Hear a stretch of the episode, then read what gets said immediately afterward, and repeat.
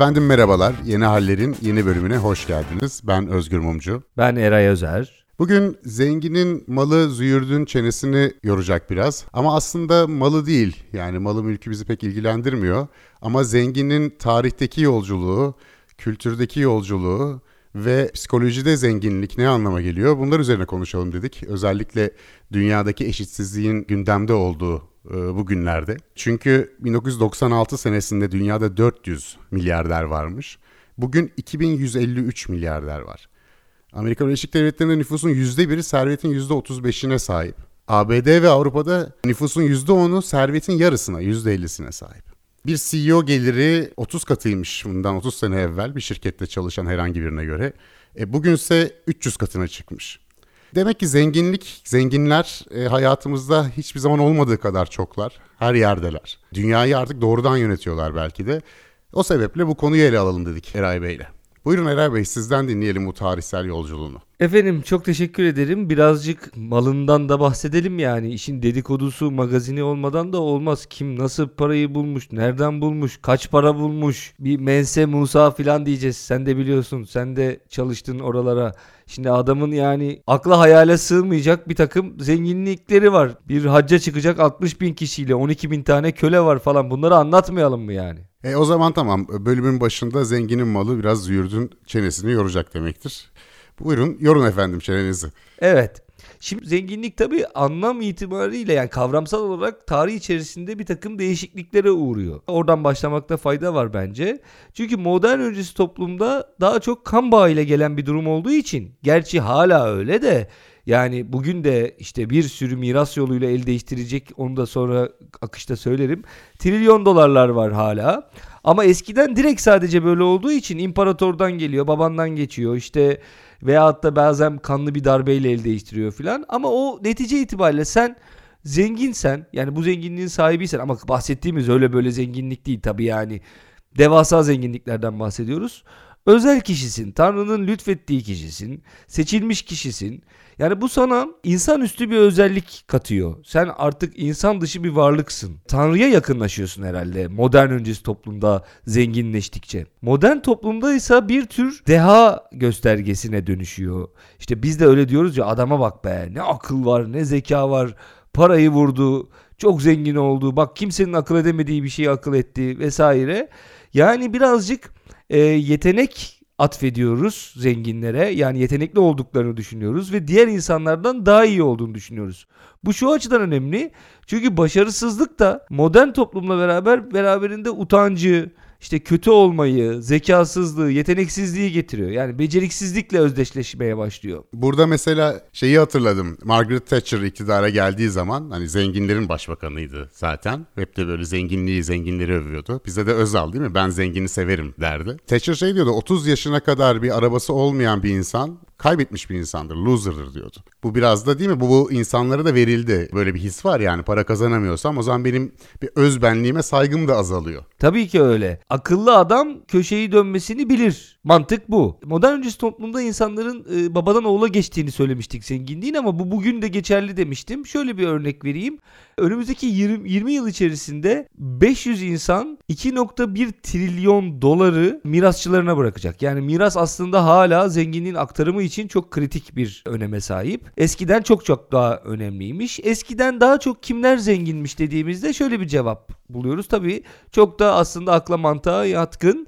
iki tane özellikle şey öne çıkıyor. Ne derler zengin tipi. Yani bunlar hep zaten yönetici pozisyonda. Kral, işte ne bileyim ben imparator, sultan, işte bir yerin beyi filan, hanedanı falan. Bu 19. yüzyıla kadar neredeyse böyle geliyor. Ee, birincisi kalabalık toplumları yöneten. Çin, Hindistan gibi toplumlar mesela o zaman da büyük nüfuslara sahip tarih içerisinde. Bunların yöneticileri birincisi. Yani o sırada dünyaya hükmeden ülkelerin yöneticileri. Bir de yeraltı kaynaklarına sahip olan bir şekilde. Ya zaten tarım devriminden önce böyle bir zenginlik hadisesi yok herhalde daha eşitlikçi toplumlardan bahsediyoruz. Yani üzerinde taşıman lazım zenginliğini ne kadar şey taşıyabilirsin bir de en kötüsü birisi kafasına vurur alır zaten onu elinden. Tabii bir de orada en önemli şey dağıtım. Yani malın dağıtımı söz konusu olduğunda zenginlik ortaya çıkıyor. Yani bir yerden aloke edeceksin, alacaksın o malı sonra da dağıtacaksın. Bundan sorumlu olan insanlar, malların dağıtımından sorumlu olan insanlar köşeyi dönmüş. E, toplumda hiyerarşinin kurulması da tarım devrimiyle beraber geliyor. Yani zenginlikle beraber hiyerarşi, yönetenler ve yönetilenler diye bir durumla karşılaşmaya başlıyoruz. Aslında öyle zaten. Yani birisi genelde baktığımızda güçle iktidarı ele geçiriyor.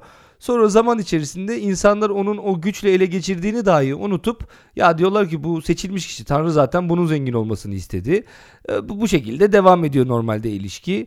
E, yeraltı kaynaklarında da işte yakın zamana kadar nedir? İşte bir petrol, iki altın bunu çıkartan işleyenler. Üçüncüsü de işte demir, çelik bunu işleyenler. E, hepsinin örneği var. Mesela işte yakın zamana kadar Rockefeller var bildiğimiz petrolü sahibi Amerika'da. Çok eski anlatacağız onu da 13. yüzyıl ve 14. yüzyıldan Mense Musa var. O da dünyadaki altının önemli bir kısmını işliyor.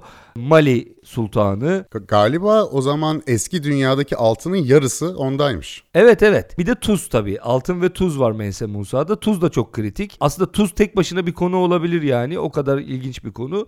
Kültürel bir şeydir. Normalde insanın ihtiyacı var mıdır yok mudur ayrı ama insanın yarattığı bir değer olarak da zenginlik için büyük bir e, ne derler meta oluşturmuştur tek başına. Ya tuz deyince sen aklıma geldi. Böyle Sovyetler Birliği'nde ta şey zamanında galiba Çarlık zamanında falan bir şekilde bir adam pogromdan mı kaçmış bir şeyden kaçmak zorunda kalmış. Ee, şeye yerleşmiş ormanla bir alana yerleşmiş ve 50 sene boyunca iki çocuğuyla beraber orada e, medeniyetten kopuk bir hayat yaşamışlar. Kimseyi görmemişler. Kimse de onların varlığını bilmiyormuş. Kazara keşfetmişler bu aileyi. Ve e, işte şeyler artık hayvan avlıyorlar vesaire işte orada primitif bir tarım e, yapmaya çalışıyorlar. E, biraz da yabanileşmişler tabii zaman geçtikten sonra. E, ancak işte baba hala konuşabiliyor biraz Rusça. Diğerlerinin dili de geriye doğru gitmiş. Neyse ilk talebi ne oluyor biliyor musun? Tuz. Yani her şeyi hallettim diyor. Bir diyor bu tuzun eksikliği de bende bir yara gibi kaldı diyor yani bunca sene boyunca. 50 yıldır adam tuz tuz diye inlemiş.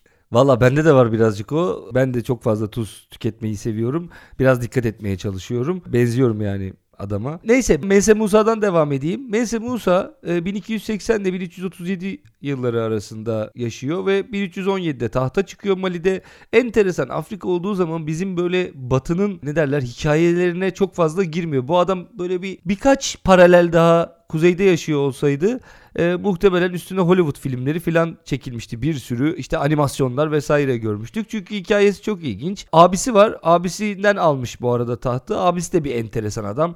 O da 1312'de 2000 gemiyle Atlantik Okyanusu'nu keşfedeceğim diye ekspedisyona çıkmış sonra geri dönmemiş diyorlar falan. Ebu Bekir abisi de. Mese Musa da tahta geçiyor ve çok varsıl tabii bir e, sultanlık alıyor e, o sırada. Mali sultanlığı çok zengin ve annesinin ölümünden sorumlu olduğu düşünülüyor Mense Musa'nın ve büyük bir suçluluk duyuyor. Kendini dine veriyor ve hacca gidiyor. Diyorlar ki git peygamberden e, özür dile yani onun ruhundan ona ibadet et. Yola çıkıyor. 60 bin kişilik bir hac kafilesi oluşturuyor. Adeta bütün şehri yanına alıyor yani. Para var imkan var diyorlar ya tam o durum yani. Ondan sonra hatta o kadar ki Mısır'a gittiğinde dağıttığı altınlardan Mısır ekonomisi çöküyor. Niye? Altın çok fazla olunca ortalıkta devalüe oluyor. Bir buçuk milyar dolarlık bir devalüasyona sebebiyet vermiş bugünün parasıyla. Fakat şöyle de deniyor yani aslında dini sebeplerden çok Kahire'deymiş o zaman altın piyasasını Kahire'ymiş yani altın piyasasının merkezi.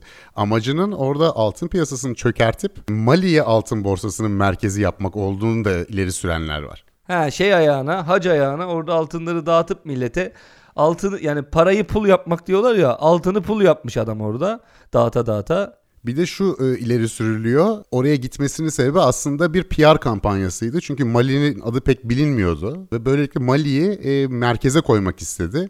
Ve şuna da yaradı. Daha sonradan yapılan haritalarda bir altın taht üzerinde e, oturur şekilde resmedilmeye başlanmış. Yani bunun bir kamusal diplomasi ve bir e, iktisadi tahribat planı olduğunu söyleyenler de var. Evet düşünsene dünyanın en güçlü imparatorluklarından bir tanesi ama Yani biz oturup da bu konuya çalışana kadar ne Mense Musa biliyordum. Ben ne Mali İmparatorluğu, Emirliği, Sultanlığı biliyordum. Haberimiz yoktu. Niye? Afrika Sultanlığı diye. Tam gerçekten beyaz adamın o öğrettiği tarihi okuyoruz yani. Ben bunun abisini e, öğrenmiştim. E, bir yerde yani karşıma çıkmıştı. E, o da şey diye sadece aklıma kalmıştı. Yani aa deliye bak diye. Hani 2000 gemiyle beraber hadi bakalım açılıyoruz diye. Bak bunlar Malililer demek ki kitlesel hareket etmeyi seviyorlar. Yani 60 bin kişiyle hacca gidiyor. Bunun abisi de 2000 gemiyle beraber Atlantik'e açılıp kayboluyor. Onları da hikayesi ilginç. Abi zaten karısıyla kendisinin bu Mense Musa'nın hacca giderken birkaç bin tane kölesi kişisel işleri için olduğu söylüyor. Bir insanın kişisel işleri birkaç bin köleyle halledilemez. Bir kere şöyle kaos çıkar yani hani hani şey vardır ya bizde bir işi ver bakayım 5 kişiye normalde olacağı varsa olmaz birbirine girer yani ütüyü yapmayı unuturlar. O şekilde söyleyeyim. Birkaç bin köleyle kişisel işin halledilir mi abi? Şu gömleği ütülesene diyorsun. Birkaç bin kişiden hangisine söylüyorsun belli değil ya. Yani adamın artık ne talepleri var ise yani bilmiyorum ya mesela göçebe olarak gidiyor her konakladığı yerde hamam kurulsun, han kurulsun mu istiyor acaba? Yani gerçekten çok acayip sayılar. Evet delirmiş arkadaş. Neyse bu arkadaşın şeyini zenginliğini hesaplayamıyorlar. Diyorlar ki bugün hesaplanacak gibi değil. Moneycom, Time'ın internet sitesi bir şey araştırma yapmış böyle akademisyenlere sormuş filan. Onlar demişler ki bu arkadaşınkisi hesaplanmaz demişler. Yani normalde mesela ondan sonra işte gelenlerden bir tanesi Augustus Sezar. Mesela onun şöyle hesaplıyorlar. Roma o sırada tüm dünya ekonomisinin %25'i ve 30'u büyüklüğünde. Sezar da Roma ekonomisinin 5'te birine sahip. Buradan bir hesap yapıyorlar. Diyorlar ki bugünkü parayla 4.6 trilyon dolar yapar bu diyorlar. 4.6 trilyon dolar yani şöyle söyleyeyim bizim şu anda en zengin insan evladı Amazon'un sahibi Jeff Bezos şu anda 140.5 milyar dolar sabah baktım şeye. Forbes'un listesi meşhur ya oraya baktım. Orada 140.5 milyar dolar diye gözüküyor. Yani 4.6 trilyon dolar neredeyse. Mısır adamınmış abi bir dönem. Yani Sezar'ınmış, Augustus'unmuş. Düşünsene şurada Spartaküs'ü anlatacaktık ne güzel. Sezar'ın malını anlatıyoruz. Gerçi kendim ettim kendim buldum yapacak bir şey yok yani. E bundan sonra belki de e, fakirlerin tarihini de anlatırız. Anlatalım. Spartaküs'ün tarihini anlatalım Özgür. Bize bu yakışır. Devam ediyorum. Mesela Hindistan'da Magal Hanedanı var. Başında birinci Akbar var. O da mesela dünya ekonomisinin %25'ini kontrol ediyor o da. Yine onu öyle hesaplıyorlar. Büyük paralar. Çin'de mesela Song Hanedanı'nda Shezong var. 1048'de 1085 yıllar arasında yaşamış. O da mesela o dönem dünya ekonomisinin %30'u. Bizde en güçlü oldukları zaman yani şey e, Osmanlı'dan bahsediyorum. Kanuni dönemi. Ama mesela kişisel olarak Abdülhamit'le ilgili çok yazılıp çizilenler var. Net bir şey olmasa da Abdülhamit'in böyle kendi gençlik yıllarında yani şehzadelik dönemlerinde yaptığı ticaretle çok para kazandığı, kafasının ticarete çok çalıştığı söyleniyor. Abdülhamit de gerçekten neye baksak karşımıza çıkıyor yani. Bir yerden bir Abdülhamit hikayesi buluyoruz. Burada da zenginliğiyle öne çıkan, bireysel zenginliğiyle öne çıkan bir padişah. Mesela yakın dönemde yine bu diktatörlerin zenginliklerine örnek Kaddafi ne yemiş arkadaşım. Onların oğullarının böyle İtalya'da İtalya'da futbol takımı almalarını bilirdik biz. Hatta kendini oynatıyordu. Yok işte teknik direktörü döve döve atıyordu. Futbolcuları kızınca dövüyordu falan oğulları. Böyle hikayeler bilirdik. Kaddafi'nin de 200 milyar dolar. Yani yeşil kitapla e, Libya'yı yönetiyorsun. O yeşil kitabın bir maddesi de herhalde Libya'nın beşte birini falan bana vereceksiniz gibi bir şey olması lazım. 200 milyar doları varmış adamın e, nasıl öldüğü de malum. Bir sosyalistim diye ortaya çıkmıştı değil mi Yeşil Kitap'ta? İslami bir sosyalizm kuracaktı. Evet. Sonra televizyonlarda canlı canlı öldürülüşünü izledik. Alma mazlumun ahını diyesi geliyor insanın. Yani netice itibariyle gördüğümüz gibi işte Çin'dir, Hindistan'dır bu kalabalık yerlerde veyahut da işte altın üretiminin çok yoğun olduğu Afrika kıtasında veyahut da imparatorlukların çok büyüdüğü yerlerde yani yakın döneme gelindiği zaman işte Rockefeller gibi petrolü ele geçiren mesela Amerikan petrollerinin %90'ını Rockefeller çıkarıyor ve işliyor. Şimdi bu adamın zaten devasa zengin olmasının dışında bir seçeneği yok. Andrew Carnegie var 1901'de Amerikan çeliği yani US Steel'i e, JP Morgan'a 480 milyon dolara satıyor ama bugünün 372 milyar dolarına denk gelen bir para bu. Endüstrileşmeyle beraber endüstriyel değerlerin sahibi olanlara geçiyor. Ve işte bu bahsettiğimiz bütün bu zenginlerin de farklı bir psikolojisi var mı? Farklı bir tür insan mı bu acaba? Yani bizden daha üstün, daha üst yetenekleri olan, ne bileyim genetiği daha kuvvetli falan. Yani bunların durumu nedir? Bunlar özel insanlar mı bu zenginler? Ve nasıl bir psikolojileri var? Buna da bakmak gerekiyor diye düşündük. Ve aklıma çocukken okuduğum bir masal geldi. Bu işte meşhur Midas masalı ama bu eşek kulaklarıyla ilgili olan değil. Bu Midas böyle ilginç bir adam sürekli masallara konu oluyormuş. Kendisi de bu Manisa yöresinde falan muhkim oraların kralı. Bu işte bir tanrı geliyor Dionysos şarap tanrısı. Bir şekilde Midas'a misafir oluyor. Midas da onu iyi ağırlıyor. Ee, zaten zengin de bir adam bir hayli. Ondan sonra dile benden ne dilersen diyor Dionysos. Kafaları iyi tabii adam şarap tanrısı içmiş içmiş. Böyle geç vakitte kafaları iyiyken şey olur ya e, gereksiz sözler verilir falan. Bu da işte ne diliyorsun benden demiş. Midas da demiş ki onun da kafayı herhalde. Dokunduğum her şey altın olsun demiş. Ben yani dünyanın en zengin insanı olacağım. Dokunduğum her şey altın olsun. Tamam demiş. Dokunduğun her şey altın olacak. Ertesi gün gelmiş. Ertesi gün Midas neye dokunsa altın oluyor. Tuvalete gidecek lazımlığa dokunuyor. Lazımlık altın. Yani eşine sarılacak sarılıyor. Kadın birden altından heykele dönüşüyor. Neye dokunsa gerçekten altın oluyor ama hiçbir işine yaramıyor. Yemek yiyemiyor en sonunda. Önüne bir büyük ziyafet geliyor. İşte tavuğun budundan tutuyor. Tavuk altın oldu. Yemek de yemeyince aslında bir lanet olduğunu bunun fark ediyor. Ve yalvarıyor gidiyor Dionysos'a. Dionysos da o içmiş içmiş ama aslında ders öğretmeye çalışmış ona belli ki. Özgür şöyle bağlasan hikaye ne komik olur ya. Onun üzerine Dionysos da diyor ki tamam altını alırım ama kulaklarına da eşek kulağı yaparım falan diye bağlasana hikayeyi. Valla galiba buralara çok bulaşmış işte bu tanrılara manrılara. Ya Midas tanrıların sürekli trollediği bir arkadaşımıza benziyor. Diyor ki Dionysos buna tamam kurtulabilirsin ama Paktolos nehrine gideceksin orada yıkanacaksın. Bu da gidiyor orada bir güzel yıkanıyor. Ondan sonra tavuğunu mavuğunu yiyebiliyor. Dokunduğu e, şeyler artık altın olmuyor. Baya boy abdesti al da gel demiş yani adam. Evet evet aynen. Ve Paktolos nehrinde deniyor ki ondan sonra küçük küçük altın parçacıkları varmış. Herhalde altın çıkıyordu o dönem o nehirden. Daha sonra da bu Paktolos nehrinin 3-4 sene evvel Manisa'daki tabak çayı olduğu da e, ortaya konmuş. Yani şöyle bir hikaye yani zenginlik mutluluk getirmez dağıttığın zaman mutlu olursun falan gibi bir hikaye bilmiyorum ama çok duymuşuzdur değil mi bu zenginlere ilişkin bu tip ders çıkartılacak e, hikayeleri. Tabii tabii ama yani gerçekten de bir noktaya kadar doğruluk payı var. Çünkü derdiyle beraber geldiği için para şu anlamda derdiyle. Yani zaten sen de detayından bahsedersin ama bu zenginlik dediğin şeyin böyle azı makbul. Olmayanı da kötü. Yani fakirlik kötü. İnsan psikolojisi açısından araştırmalar gösteriyor ki zenginlik iyi ama ayarını bileceksin. Çok zengin olmayacaksın. Çok zengin olduğun zaman derdiyle geliyor. Bir de orada şöyle bir şey var. Para artık önemli hale geliyor tamam mı? Bu mesela Amerika'da bir araştırma yapılmış. Amerika'daki araştırmaya göre ortaya çıkan şey e, yıllık 70 bin dolar tam böyle şey kıvamında yani 70 bin dolarlık gelirin varsa mutlusun. 70 bin dolarlık yıllık gelirden sonra yükseldikçe mutsuzluk beraberinde gelmeye başlıyor. Yani şimdi şöyle oluyor aslında George Simmel paranın felsefesinde şunu söylüyor diyor ki kapitalizm doğal ekonomiyi geriletince bütün zenginlikleri elde etmenin aracı olarak para zenginliğin yegane hedefi haline geliyor. Yani kendisi para amaca dönüşüyor. İşte bu şey vardır ya hep söylenir halk arasında işte ne yapacaklar o kadar parayı ye ye bitmez filan diye. Artık adam orada zaten bunu malla özdeşleştirip düşünse yani kazanırken gözünün önüne hamburger gelse Adam kazanır mı ya öyle bir para? Yani düşünsene yani 2 milyar hamburger kazandım bugün diyor Jeff Bezos mesela. Böyle değil zaten. O artık aşmış paranın kendisi, kendi varlığı amaç paraya dönüşüyor. Para kazanmaya dönüşüyor zaten. E, bununla ilgili bir örnek var. Bir e, eski broker işte borsacı Sam Polk adı. Böyle 10 milyon doları falan var. Yani çok en en zenginlerden değil. Ondan sonra şunu diyor. Yani öyle bir hale gelmiştik ki diyor. Yanındaki kişi 100 milyon dolar kazanıyorsa diyor borsada diyor. Yani sen artık orada yetinemiyorsun ve kendini hala daha aşağıda, daha fakir görüyorsun. Psikolojik olarak o sen de 100 milyon kazanmalısın ama birisi de artık 500 milyon kazanıyorsa sen de niye kazanmayasın diyorsun ve ve şunu ekliyor. Bazı zenginler tamam diyor rantiyedir vesairedir ya da şeyden gelmiştir parası e, aileden gelmiştir. Hani böyle çok önemli bir kesim var hiç çalışmayan. Ama bir de bizim gibi maaşlı iyi zenginler var. Biz de o zenginliği sürekli arttırmak için ben hala sabah 7'sinde masanın başına oturuyordum diyor.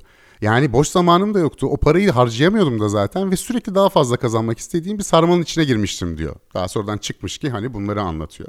E, ve burada bunda da hani beyinde acaba bir takım mekanizmaları, kimyasal reaksiyonları çalıştırıyor mu zengin olma hali?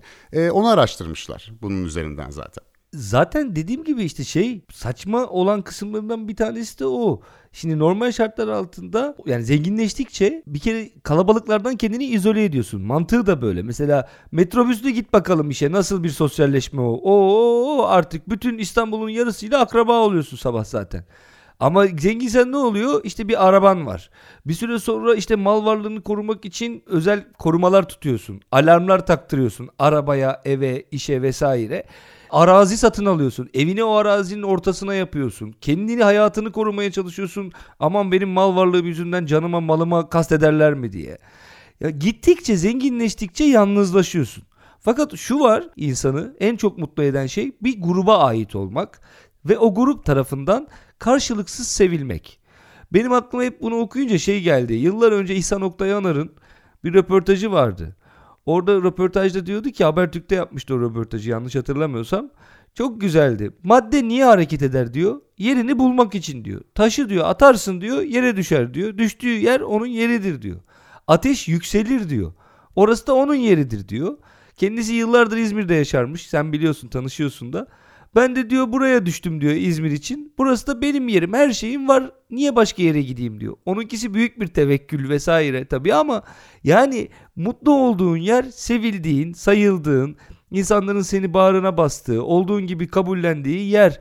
Bunun dışında e, kendini yalnızlaştırdıkça aslında yani zenginleştikçe yalnızlaşıyor, yalnızlaştırdıkça da mutsuz oluyorsun. Evet ben İsa Yoktan Anar'la tanışma şansına kavuşmuş insanlardan biriyim. Hocayla da birkaç defa görüşmüştük İzmir'de. O zaman öğrendiğimde çok şaşırmıştım.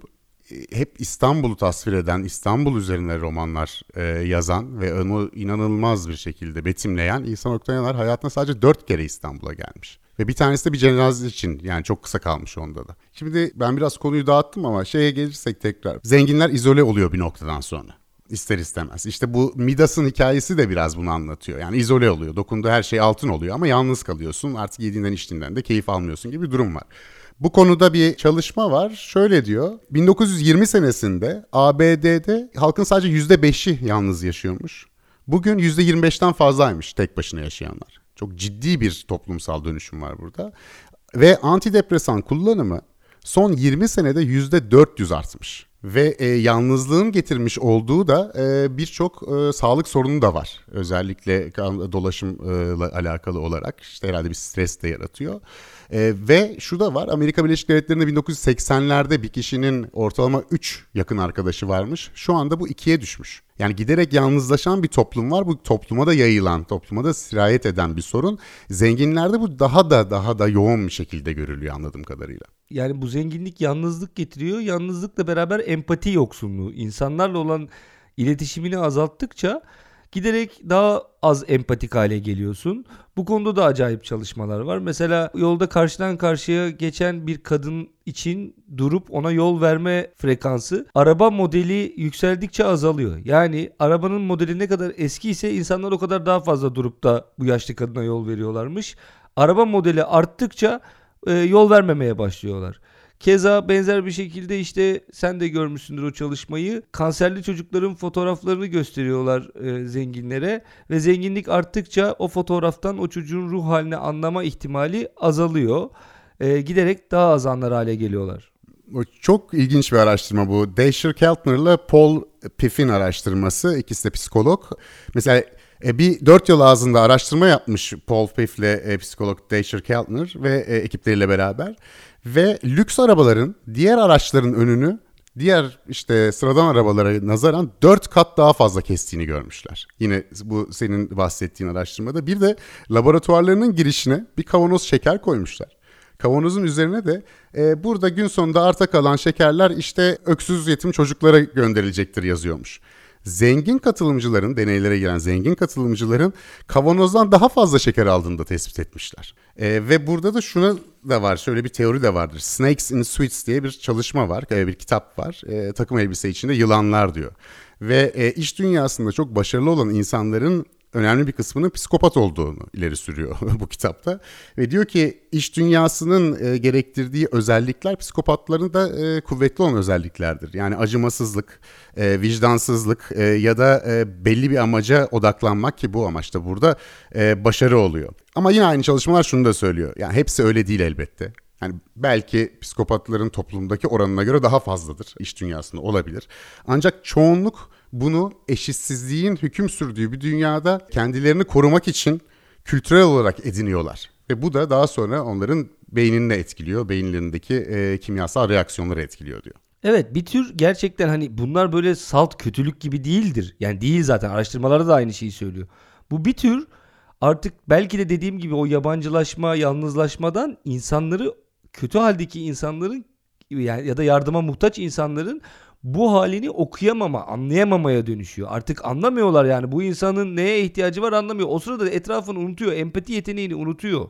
Evet, burada e, Michael Krauss'un e, bir önemli araştırması var yine.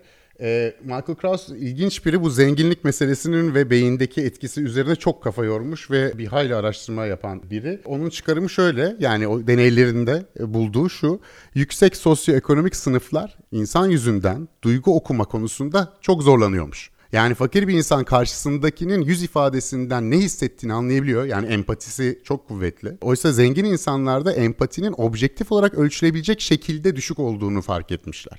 Zaten bunun üzerine o kanserli çocuk araştırmaları vesaire falan yapılmaya başlanıyor ve beyin aktiviteleri ölçüldüğünde hakikaten de orada bir farklılık olduğu görülüyor. Yani zenginler bir noktadan sonra belki zengin ol- olmaları devam ettiği sürece e, beyinleri kimyaları değişiyor ve de işte şey diye bunu anlatıyorlar o makalede.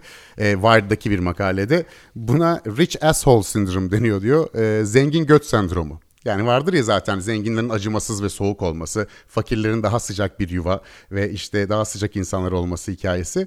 Bu evet e, genel olarak e, zenginlerin pozisyonlarını korumaları ve fakirlerin bunda durumlarında teselli bulmaları için de yaygınlaştırılan bir hadise ama bilimsel olarak da bir temeli yok diyemeyiz yani. Tabi tabi. Bu Monopoly oyunu var. Bu yine aynı ikilinin Keltner'la e, Piff'in.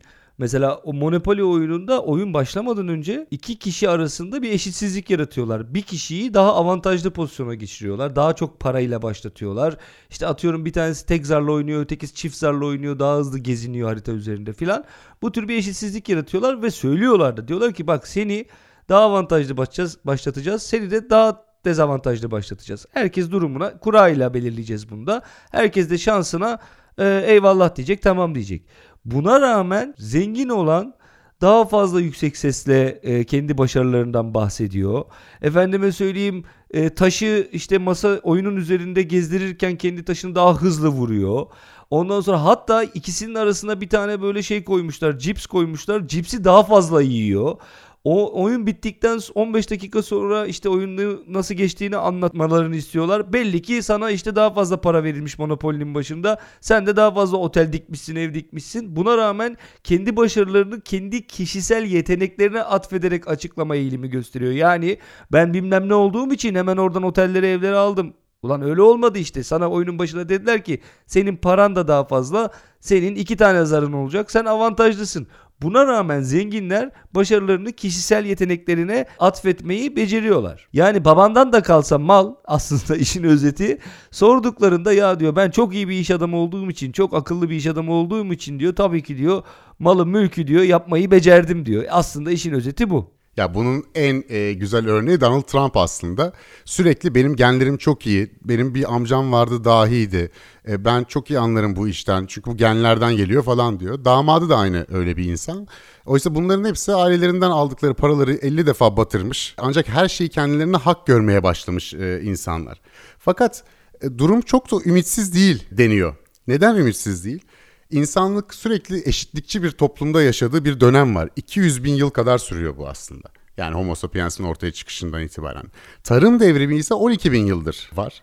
Yani endüstri devrimi ve bu finans meselesi daha yakın zamanda. İnsan beyni aslında daha dayanışmacı özellikler gösteriyor. Bunun da araştırmaları yapılmış. Yani orada kendini daha iyi hissediyor dayanışma durumunda. Nörobilimci e, George Moll var. O bir araştırma yapmış MRI cihazlarını kullanarak yani beynin e, reaksiyonlarını ölçerek ve bu araştırmanın sonucuna göre altruizm yani diğer kamlık başkalarını düşünme, fedakarlık vesaire gibi hislerin aslında insan evriminde önemli bir faktör olduğunu ve dayanışmacı ruhun bizi daha rahatlattığını, bizi daha iyi hissettirdiğini söylüyordu. Sen diyordun ya mutluluk meselesinde bir topluluğa ait olmanın ne kadar önemli olduğunu ve yalnızlığın sağlık sorunlarına bile yol açabilecek, fiziki sorunlara yol açabilecek bir psikolojik e, durum yarattığını. Burada bu araştırmada başkalarının çıkarlarını kendilerinin çıkarlarından daha öne alanlar, deneyin sonucunda bunu yapmak zorunda kalanlar, yani bunu tercih edenlerin beynin yemek ve seksle ilgili bölgelerinin aktive edildiği görülmüş. Yani zevk alıyoruz aslında insanlara yardım etmekten nörobilimine göre. Ve şöyle bir deney yapılmış gene, e, işte bir oyun yapılmış. Çocuklarla yapılan bir deney. Bu hasta çocuklara yardım ediliyor bu deneyde de. Ve çocuklara daha çok yardım eden çocukların yani diğer hasta çocuklara daha çok yardım eden çocukların beyinlerindeki sakinlik ve güvenlik e, yerlerinin daha çok aktive edildiği görülüyor. Yani çocuklar daha sakin ve daha mutlu oluyorlar. Fakat şunu da fark ediyorlar yine bu deneyde. Kültürel bir yanı var meselenin. Zengin ailelerin çocukları daha az yardım ediyormuş daha az cömertmiş. Yani sonradan öğrenilmiş bir mesele olduğunda düşünülüyor. Aileden gelen bir hadise olduğu da buradan düşünülüyor. Fakat iyi tarafı şu. Bazı başka oyunlar yapmışlar. Zenginler de var, fakirler de var bu oyunu oynayan. Gene senin bu deneyde. Ve demişler ki bu oyunlarda toplam iyilik yani kamusal çıktının genel olarak iyilik yapmanın, ortaklaşmanın e, bir kazanç olacağı oyunlarmış bunlar. Bir süre sonra bu oyunları oynayan bireyler yani dayanışarak ancak oynanabilen oyunlar ve siz eğer bencillik gösteriyorsanız grup tarafından dışlanmaya başlıyorsunuz. Kısa bir süre içerisinde zenginlerin de diğerleri gibi eşitlikçi olmaya başladığını, dayanışma içinde bulunduğunu oyunlarda fark etmişler. Bir başka fark edilen de şu, 45 dakika boyunca bütün katılımcılara çocuk fakirliği üzerine bir belgesel izletilmiş. Bu belgeselden sonra zenginlerle fakirler arasında cömertlikle ilgili yapılan deneylerde eşit davrandıklarını görmüşler ikisinin de. Yani aslında beyin plastiği değiştirilebiliyor. Ufak ufak dokunuşlarla, belki anlayışların değiştirilmesiyle, yeni organizasyon tipleriyle aslında insanlığın 200 bin sene boyunca deneyimlediği bu eşitlikçilik meselesi daha sonra tarım toplumuyla beraber kurduğu medeniyetin ilerlemesiyle bağdaşlaştırılabilir. Bu da zaten işte bu yeşil sosyalist hareket dedikleri Green New Deal vesaire biraz oraya doğru giden hadiseler. Umalım ki öyle olsun diyerek ben sözlerimi bitireyim ve esen kalın diyeyim efendim. İnce bir orkoluk yaptın şimdi açık konuşmak gerekirse. Bir orkoluğun vardı yine güzel bağladın. Dedin ki hepimiz kardeşiz bu öfke ne diye diyerek. Geçen sefer Coşkun Sabah'tan örnek vermiştin. Ben de Mahsun Kırmızıgül'le senin kapanışına bir destek vermek isterim. Ben de şunları söyleyeyim kısaca. E, bu zenginlere baktıklarında dünyanın en zenginlerine bir de şunu görmüşler. Bu çok aşırı zenginler arasında kendinin kendi sahip olduğu servete erişimini kısıtlayan veya bunu dağıtan insanların bu yaşadıkları e, mutsuzluktan daha çabuk kurtulduğunu tespit etmişler. Yani şaka değil gerçekten paranı dağıttıkça daha mutlu olabiliyorsun. Tabi bu belli bir miktarın üzerindeki paraya sahip insanlar için. Bu arada şöyle de bir enteresan çalışma var. Parası az olan insanların mesela yıllık 25 bin dolar kazanan Amerika'daki insanlar servetlerinin %4'ünü dağıtma, yardım amaçlı, hayır amaçlı dağıtma eğiliminde oluyorlar.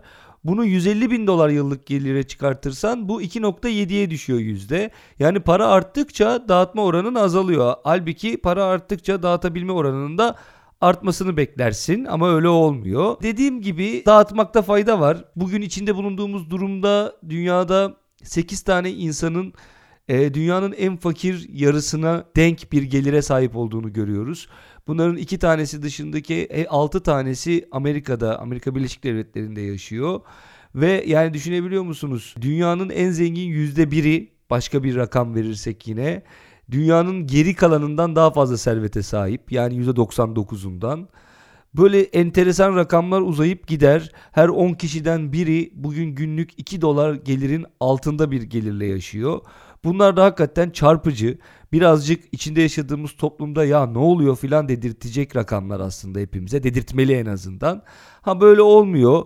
Dediğin gibi senin de insanlar bu zenginlikleri gördükten sonra kendilerinde bir gün zengin olma hayaliyle e, yaşatıyorlar. Yani e, zengin niye zengin diye sorgulamak yerine e, ben niye hala fakirim, niye köşeyi dönemedim, niye doğru hamleleri yapamadım diye düşünüyorlar. Ve zenginliğin bir başarıyla eşlendiği bir dünyada yaşıyoruz. Ama bu korona günlerinde bu nereye kadar devam eder? Virüs e, zengin fakir ayrımı yapmıyor bir yandan da. e, bunu da gördük. Dünyanın en zengin insanları da işte yöneticileri de başbakanları da bu hastalığa yakalandılar ve belli ki öyle görünüyor ki ne yazık ki yakalanmaya devam edecekler. Sermayeyi eşit ve daha hakça senin de dediğin gibi dağıtamazsak hepimizin sonu pek hayırlı gözükmüyor. Buradan da kıssadan hisse olarak bunu çıkarmış olalım efendim. Ee, ben de kalın sağlıcakla diyorum. Görüşmek üzere.